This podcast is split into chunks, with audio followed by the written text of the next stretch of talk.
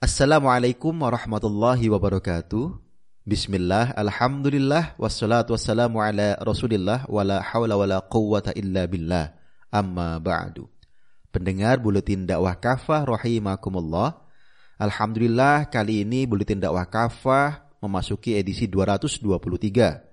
12 Jumadil Ula 1443 Hijriah, 17 Desember 2021 Masehi.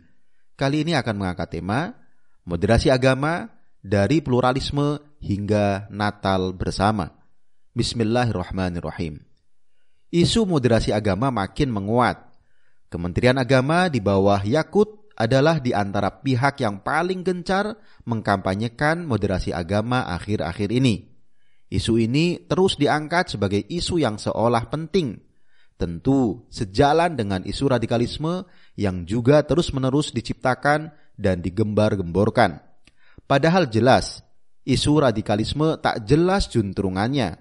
Apa dan siapa yang disebut kelompok radikal masih samar yang tidak samar, isu radikalisme hanyalah kelanjutan dari isu terorisme yang sudah usang dan sudah tidak laku. Sebagaimana isu terorisme, isu radikalisme selalu menyasar kalangan muslim, terutama tentu mereka yang berpegang teguh pada agamanya, yang selalu berusaha terikat dengan syariahnya, bahkan yang menginginkan penerapan syariah Islam secara kafah dalam seluruh aspek kehidupan. Lalu pada saat yang sama, diangkatlah moderasi agama sebagai antitesisnya. Pendengar rahimakumullah, motif politik. Paham moderasi agama secara garis besar adalah paham keagamaan yang moderat. Moderat sering dilawankan dengan radikal. Kedua istilah ini bukanlah istilah ilmiah, tetapi cenderung merupakan istilah politis. Kedua istilah ini memiliki maksud dan tujuan politik tertentu. Sebabnya, Moderat adalah paham keagamaan Islam yang sesuai selera Barat, sesuai dengan nilai-nilai Barat yang notabene sekuler atau memisahkan agama dari kehidupan. Sebaliknya, radikal adalah paham keagamaan yang dilekatkan pada kelompok-kelompok Islam yang anti Barat. Mereka adalah pihak yang menolak keras sekulerisme. Mereka inilah yang menghendaki penerapan syariah Islam secara kafah dalam seluruh aspek kehidupan. Sejak peledakan gedung WTC 11 September 2001, Amerika Serikat telah memanfaatkan isu terorisme sebagai bagian dari skenario globalnya untuk melemahkan Islam dan kaum muslim. Untuk itu, para peneliti kemudian menganjurkan beberapa pilihan langkah bagi Amerika Serikat. Salah satunya adalah mempromosikan jaringan Islam moderat untuk melawan gagasan-gagasan Islam radikal. Lebih dari itu, dalam dokumen Rand Corporation tahun 2006 bertajuk Building Moderate Muslim Network, disebutkan bahwa kemenangan Amerika Serikat yang tertinggi hanya bisa dicapai ketika ideologi Islam terus dicitraburukan di mata mayoritas penduduk di tempat tinggal mereka. Salah satunya dengan labelisasi radikal, fundamentalis, ekstremis, dan lain-lain mantan Presiden Amerika Serikat George W. Bush pernah menyebut ideologi Islam sebagai ideologi para ekstremis. Bahkan oleh mantan Perdana Menteri Inggris Tony Blair, ideologi Islam dijuluki sebagai ideologi setan.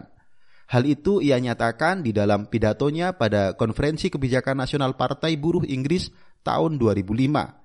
Blair lalu menjelaskan ciri-ciri ideologi setan, yaitu yang pertama menolak legitimasi Israel, yang kedua memiliki pemikiran bahwa syariah adalah dasar hukum Islam.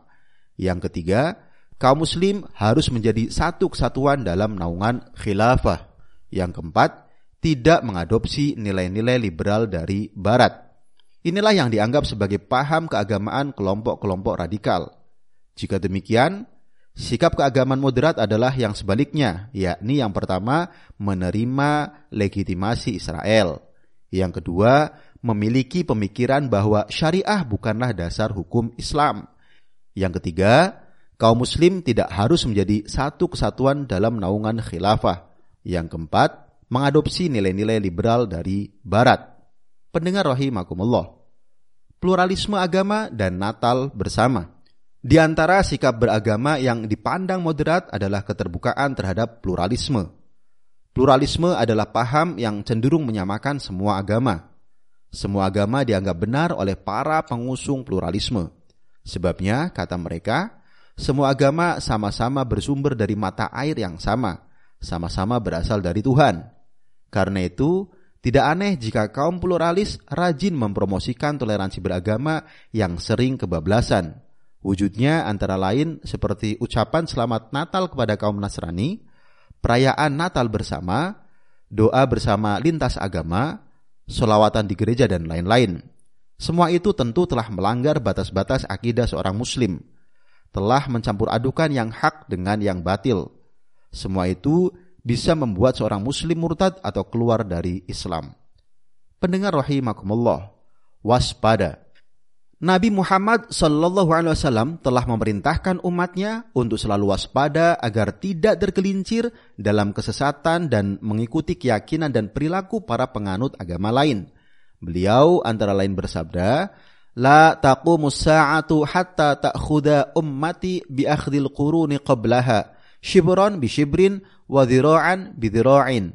Faqila ya Rasulullah kafaris war rum? Faqala wa manin nasu illa ulaik. Hari kiamat akan terjadi hingga umatku meniru generasi-generasi sebelumnya sejengkal demi sejengkal sehasta demi sehasta. Ditanyakan wahai Rasulullah apakah seperti Persia dan Romawi beliau menjawab manusia mana lagi selain mereka itu? Hadis riwayat Al-Bukhari nomor 7319 beliau pun bersabda la tatba'unna sanana man kana qablakum shibron shibron wa dhira'an bidhira'in hatta law dakhalu juhra dhabbin tabi'tumuhum. Qulna ya Rasulullah al yahud wa nasara qala faman? Sungguh engkau akan mengikuti tradisi orang-orang sebelum kalian sehasta demi sehasta sejengkal demi sejengkal bahkan andai mereka masuk lubang biawak niscaya kalian mengikuti mereka kami bertanya wahai Rasulullah Yahudi dan Nasranikah mereka? Beliau menjawab, siapa lagi kalau bukan mereka? Hadis riwayat Al-Bukhari nomor 7320. Ibnu Hajar al-Asqalani dalam kitabnya Fathul Bari menerangkan bahwa hadis nomor 7319 berkaitan dengan ketergelinciran umat Islam karena mengikuti mereka dalam masalah tata negara dan pengaturan urusan rakyat. Adapun hadis nomor 7320 berkaitan dengan ketergelinciran umat Islam karena mengikuti mereka dalam masalah akidah dan ibadah. Dalam konteks akidah dan ibadah misalnya, ada sebagian muslim yang berpendapat tentang kebolehan mengucapkan selamat Natal kepada kaum Nasrani, bahkan kebolehan mengikuti perayaan Natal bersama. Padahal jelas, segala bentuk ucapan selamat dan apalagi mengikuti perayaan hari-hari besar orang kafir adalah haram. Dasarnya antara lain, pertama, firman Allah Subhanahu wa taala yang menyatakan salah satu sifat hambanya ibadur rahman dalam Quran surah Al-Furqan ayat 72 A'udzubillahi Bismillahirrahmanirrahim walladzina la yashhaduna zura dan mereka tidak menyaksikan kepalsuan. Ketika menafsirkan ayat ini, Imam Al-Qurtubi menyatakan maknanya adalah tidak menghadiri dan menyaksikan setiap kebohongan dan kebatilan. Azur adalah setiap kebatilan yang dihiasi dan dipalsukan. Zur yang paling besar adalah berlaku syirik dan mengagungkan berhala. Ini adalah penafsiran Ad-Dahak, Ibnu Zaid, dan Ibnu Abbas radhiyallahu an. Dalam pandangan Islam, peringatan Natal adalah kebatilan atau kebohongan. Alasannya, peringatan Natal adalah peringatan atas kelahiran Nabi Isa alaihissalam sebagai salah satu oknum Tuhan. Jelas, majelis yang di dalamnya ada pengakuan bahwa Isa alaihissalam adalah anak Tuhan adalah majelis yang batil. Kedua, Rasulullah Shallallahu alaihi wasallam bersabda, "Inna likulli qaumin 'aidan wa 'aiduna." Sungguh setiap kaum mempunyai hari raya dan ini Idul Adha dan Idul Fitri adalah hari raya kita. Hadis riwayat Al-Bukhari dan Muslim. Dari sini dapat dipahami bahwa setiap umat mempunyai hari raya sendiri-sendiri. Karena itu, umat Islam tidak perlu ikut-ikutan merayakan hari raya umat yang lain. Selain itu, Sayyidina Umar bin Khattab radhiyallahu an pernah berkata, "Ijtanibu a'da Allah fi 'idihim." Jauhilah oleh kalian musuh-musuh Allah atau kaum kafir pada hari raya mereka. Hadis riwayat Al-Bukhari dan Al-Baihaqi. Karena itu, Imam Jalaluddin Asyuti Asy-Syafi'i berkata, "Wa'lam annahu lam yakun ala ahdi salafis sabiqina minal muslimina man yusyarikihim fi syai'in min dhalik." Ketahuilah bahwa tidak pernah ada seorang pun pada masa generasi salaf dari kaum muslim yang ikut serta dalam hal apa pun dari perayaan mereka. Hakikat As-Sunnah wal Bid'ah halaman 125. Imam Ibnu Qayyim Al-Jauziyah, ulama mazhab Hambali juga berkata, wa amma tahni'atu bi sya'airil kufril mukhtassati bihi faharamun bil ittifaqi misla ayyuhanni'ahum bi a'yadihim wa saumihim aidun mubarakun alaik aw tahna'u bihadzal aid wa nahwahu fahadha in salima qailuhu minal kufri fahuwa minal muharramat wa huwa bimanzilati an yuhanni'ahu bisujudihi lis Adapun memberi ucapan selamat pada syiar-syiar kekufuran yang khusus bagi kaum kafir adalah sesuatu yang diharamkan berdasarkan ijma atau kesepakatan para ulama. Contohnya adalah memberi ucapan selamat pada hari raya dan puasa mereka seperti mengatakan, semoga hari ini adalah hari yang berkah bagimu.